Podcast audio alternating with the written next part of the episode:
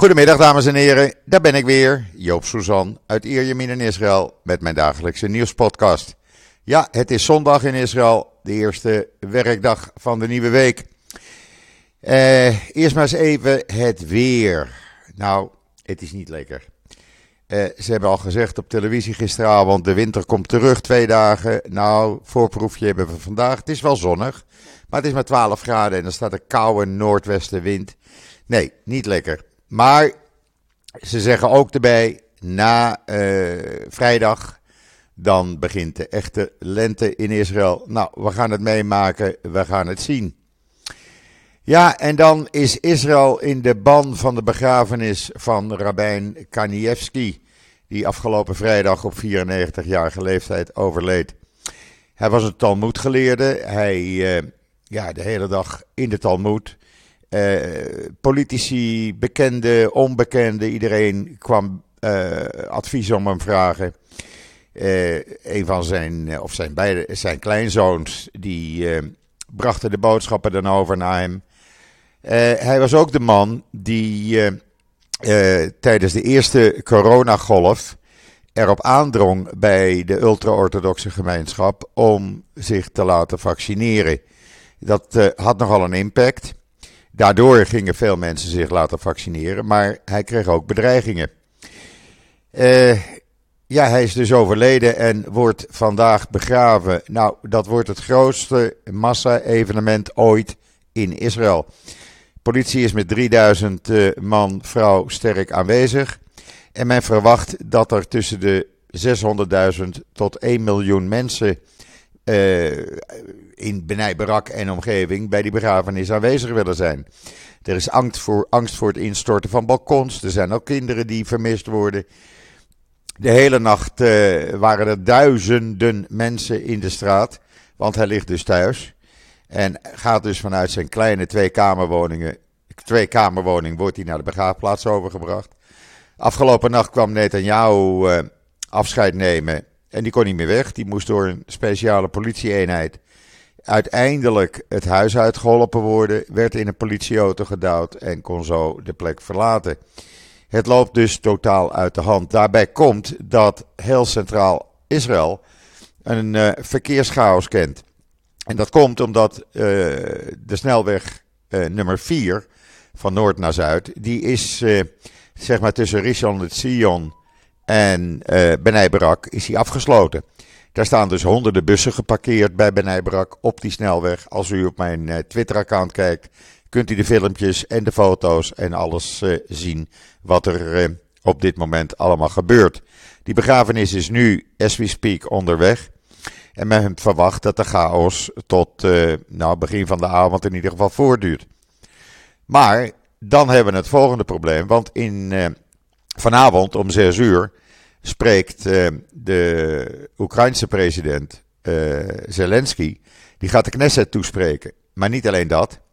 Uh, het wordt op grote schermen op het Habimaplein in Tel Aviv vertoond. Dus ook daar verwacht men tienduizenden mensen die daarbij aanwezig zullen zijn.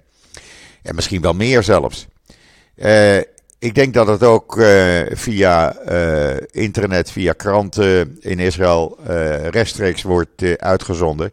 Als het zo is, zet ik het om 6 uur onze tijd, dat is 5 uur in Nederland, de link online en kunt u het volgen.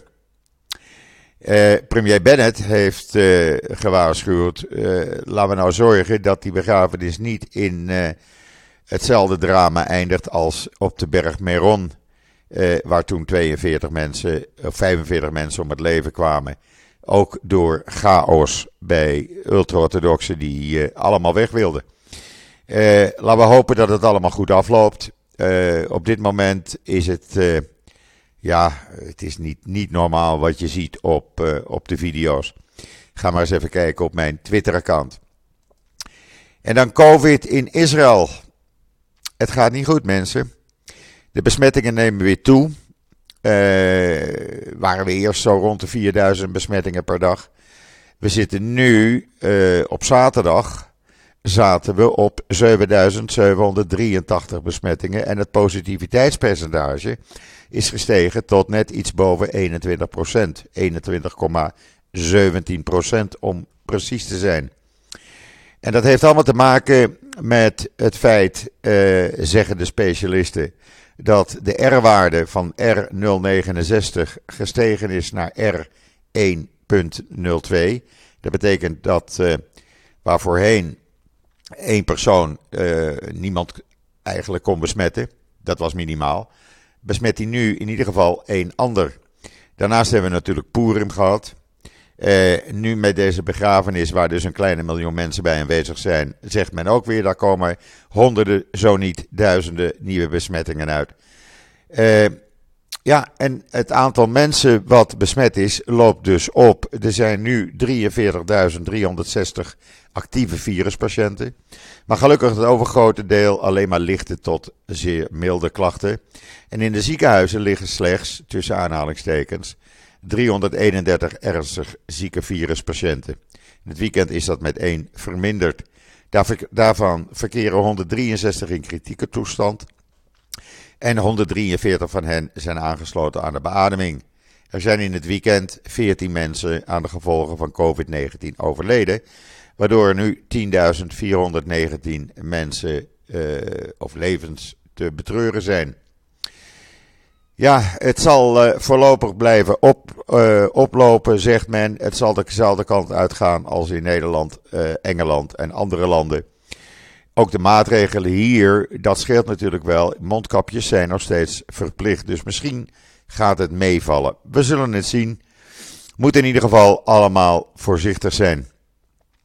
En dan heeft de uh, bekendgemaakt, u kunt dat ook lezen op israelnieuws.nl, dat een speciaal team van de IDF en de politie uh, en de Shin Bet, de Binnenlandse Veiligheidsdienst, die hebben een, uh, een cel opgelegd, opgerold die uh, drugsmokkel en wapen, wapens smokkelde vanuit Libanon naar Israël en vanuit Israël naar Libanon.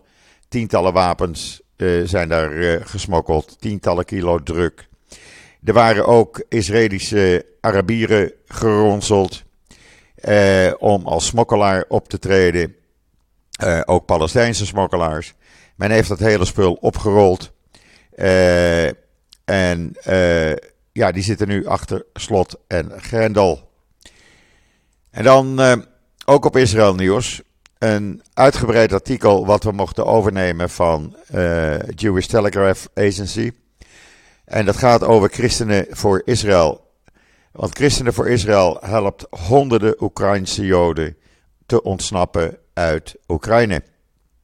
En dat is bijzonder goed werk. Er is een heel interview, een heel artikel we hebben het vertaald en u kunt het lezen op israelnieuws.nl. En ik neem alleen maar uh, mijn hoed af met een diepe buiging voor het werk van uh, Christenen voor Israël. Uh, heel bijzonder en mooi dat deze Nederlandse organisatie dat doet. Men zegt ook: het is Gods werk, het is God op wie ik vertrouw. Het is een heel mooi verhaal. Lees het op israelnieuws.nl. Uh, ik ken de mensen achter Christenen voor Israël, de familie van Oort. En ik ga ze ook binnenkort even een bedankje hiervoor sturen. Want het is echt fantastisch wat ze doen. Uh, inmiddels zijn er meer dan 13.000 Oekraïners in Israël. het merendeel Joods. En men gaat nu op drie plaatsen in het land gaat men caravandorpen neerzetten. Waar deze mensen dan ondergebracht kunnen worden en toch een beetje zelfstandig kunnen leven, niet naar een opvangcentrum toe. En dan op uitnodiging van de India, Indiase premier Modi gaat uh, premier Bennett begin april voor Pesach een paar dagen naar India. Hij is daar zelf erg blij mee. Uh, ze hadden elkaar uh, verleden jaar oktober tijdens die klimaatconferentie in Glasgow ontmoet. En daar werd Bennett dus uitgenodigd door Modi. het zal ook de band markeren van 30 jaar diplomatieke betrekkingen tussen India en Israël. Dus dat wordt een bijzonder bezoek. Bennett is erg verheugd, zegt hij, dat hij daar naartoe kan gaan op uitnodiging van zijn vriend premier Modi. Hij gaat ook, zeggen de media hier, binnenkort naar zijn vriend Sisi, de president van Egypte. Ze hebben elkaar in september ontmoet. dat was tien jaar nadat leiders van Israël en Egypte elkaar hadden ontmoet. En ja, er wordt nog geen commentaar gegeven, maar men weet zeker dat hij de komende dagen waarschijnlijk daar naartoe gaat naar Cairo eh, en mogelijk naar Sharm el-Sheikh. Ter gelegenheid van de opening van die eh, nieuwe vluchtroute tussen Sharm el-Sheikh en Tel Aviv. We gaan het meemaken. In ieder geval is het goed dat die banden tussen beide landen zo goed zijn. En dan, als u eh, gezond wil eten. Er staat een artikel op israelnieuws.nl over het groene mediterrane dieet. Even een slokje water, sorry. Dat is goed voor uh, uh, de bacteriepopulatie in de darmen. Je voelt je beter, je voelt je gezonder. Er is een heel Israëlisch onderzoek naar gedaan. Dus ja, ik zou zeggen, ga dat even bekijken en misschien heb je er wat aan. ja, inmiddels is er nog steeds verkeerschaos door alle afgesloten wegen in, in Israël. Ik blijf u ervan op de hoogte houden. En in Israël is, of in Israël, in Oekraïne, bij de stad Lviv, is men begonnen in het dorp uh, Mostiska. Uh, dat is ongeveer een, ja, een klein uurtje rijden van Lviv af. Tussen de Poolse grens en Lviv, zullen we maar zeggen. Daar is de bouw begonnen van het Israëlische veldhospitaal. De spullen zijn ingevlogen, de tenten worden opgericht. Er is een school ingericht als centrum. En medici en andere apparatuur arriveren vandaag en morgen. En men hoopt dat dit uh, hospitaal, wat zo'n 100 mensen per dag kan uh, behandelen, in de komende dagen operationeel zal zijn. Het is bijzonder, Israël doet dat in oorlogsgebied.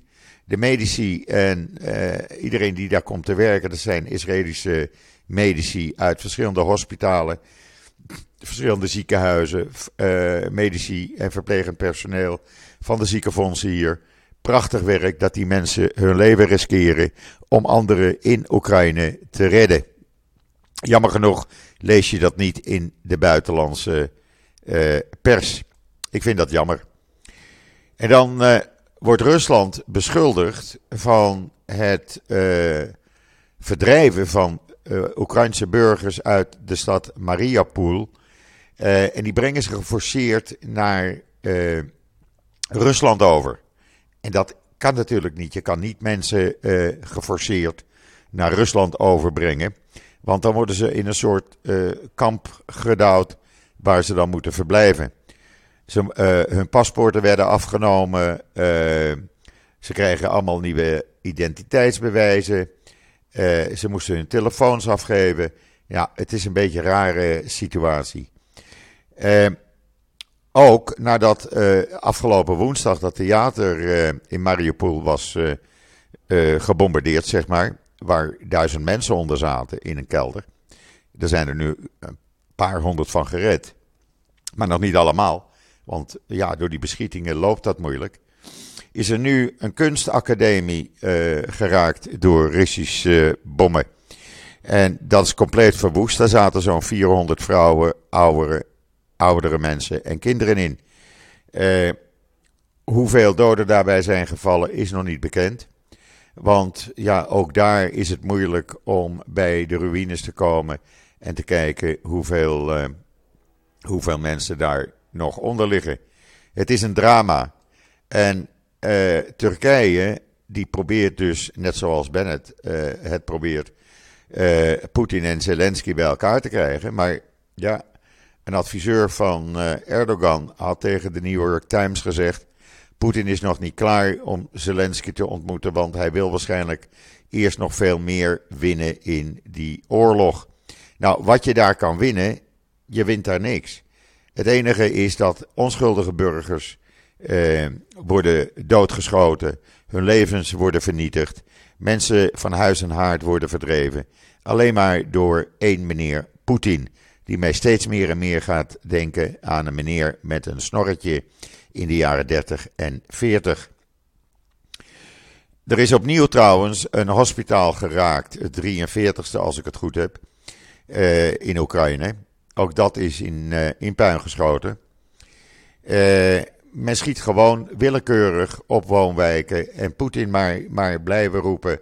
Nee hoor, wij beschieten geen, geen burgerdoelen. Nee, maar ondertussen de ene woonwijk naar de andere gaat eraan.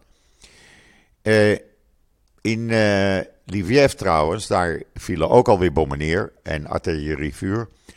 En daar vinden bewoners onderdak in een wel heel speciaal uh, plek. Dat is een soort populaire bar die uh, werd gebruikt voor uh, politieke bijeenkomsten en dergelijke. En daar zitten nu honderden mensen, ja, die schuilen daar uit angst voor de volgende beschietingen van meneer Poetin. Oekraïne heeft trouwens aangekondigd dat ze elf politieke partijen met banden met Rusland hebben geschorst. Die mogen geen activiteiten meer doen. Daaronder is ook een oppositiepartij die met 44 zetels in het parlement zit. En die wordt geleid door een meneer Medvedchuk. En die is wel heel vriendschappelijk met uh, Poetin. En hij is ook, en Poetin is de peetvader weer van zijn dochter. Dus ja, er gaat nog van alles fout daar in, in dat land. NGO Monitor heeft trouwens een heel rapport opgesteld waarom NGO's misbruik maken van de Russisch-Oekraïnse oorlog, terwijl en daar altijd weer Israël bij betrekken. en dat is de hele tijd al aan de gang. Ze vergelijken de situatie in Oekraïne met de situatie tussen Israël en de Palestijnen. Nou, dat verhaal gaat niet op. Want dat kan je niet vergelijken met elkaar. Ik vind iedereen die daar uh, een vergelijking mee maakt, zoals uh, Amnesty en Human Rights Watch, ze zijn echt van lotje getikt. En dan heeft een Iraakse olietycoon heeft gezegd dat de beweringen van Iran dat zijn verwoeste landgoed in Irak door Iran is dat afgelopen week verwoest dat is geen Mossad-basis, omdat Iran had gezegd, daar zit de Mossad in. Hij zegt, ik woonde daar gewoon. Dat heeft helemaal niks met een Mossad-basis te maken. Hoe verzinnen ze het weer in Irak, in Iran? En dan ja, is er een nieuwe Netflix-serie. En men schrijft hier in de kranten de Netflix-serie Netflix De Club. Die vertelt het verhaal van de Joodse gemeenschap in Turkije en dwingt kijkers om de historische vervolging, vervolging van minderheden uh, het hoofd te bieden. Uh, het is eigenlijk een deel van de geschiedenis en het helpt ook de wonden van de Turkse Joden te helen. Uh, het is een bijzonder verhaal. Ik heb die serie nog niet gezien, de club. Ik ben wel van plan hem te gaan bekijken, maar ik ben nu eerst bezig met de Formule 1, de nieuwe vierde serie die online staat bij Netflix.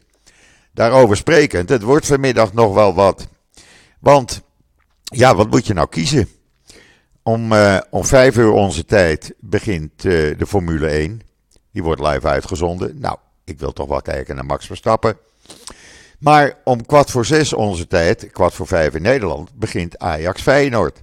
Ja, die wil ik toch ook wel zien. Uh, dus dat wordt een beetje heen en weer switchen, denk ik. Of op de ene op mijn, op mijn laptop uh, de ene zetten en op televisie de andere. Ik weet het anders ook niet. Maar ik, uh, ja, dat is toch wel een probleempje aan het worden. We worden, uh, ja, je mist hier niks. Ik heb dat al vaker gezegd. Ook PSV wordt vanmiddag uitgezonden. Maar ja, Joop moet ook nog wel wat andere, andere dingen doen. Maar ja, het wordt dus moeilijk. kiezen tussen. nee, ik ga niet kiezen. Ik ga gewoon allebei zien vanmiddag. Het is toch rot weer. Het is koud.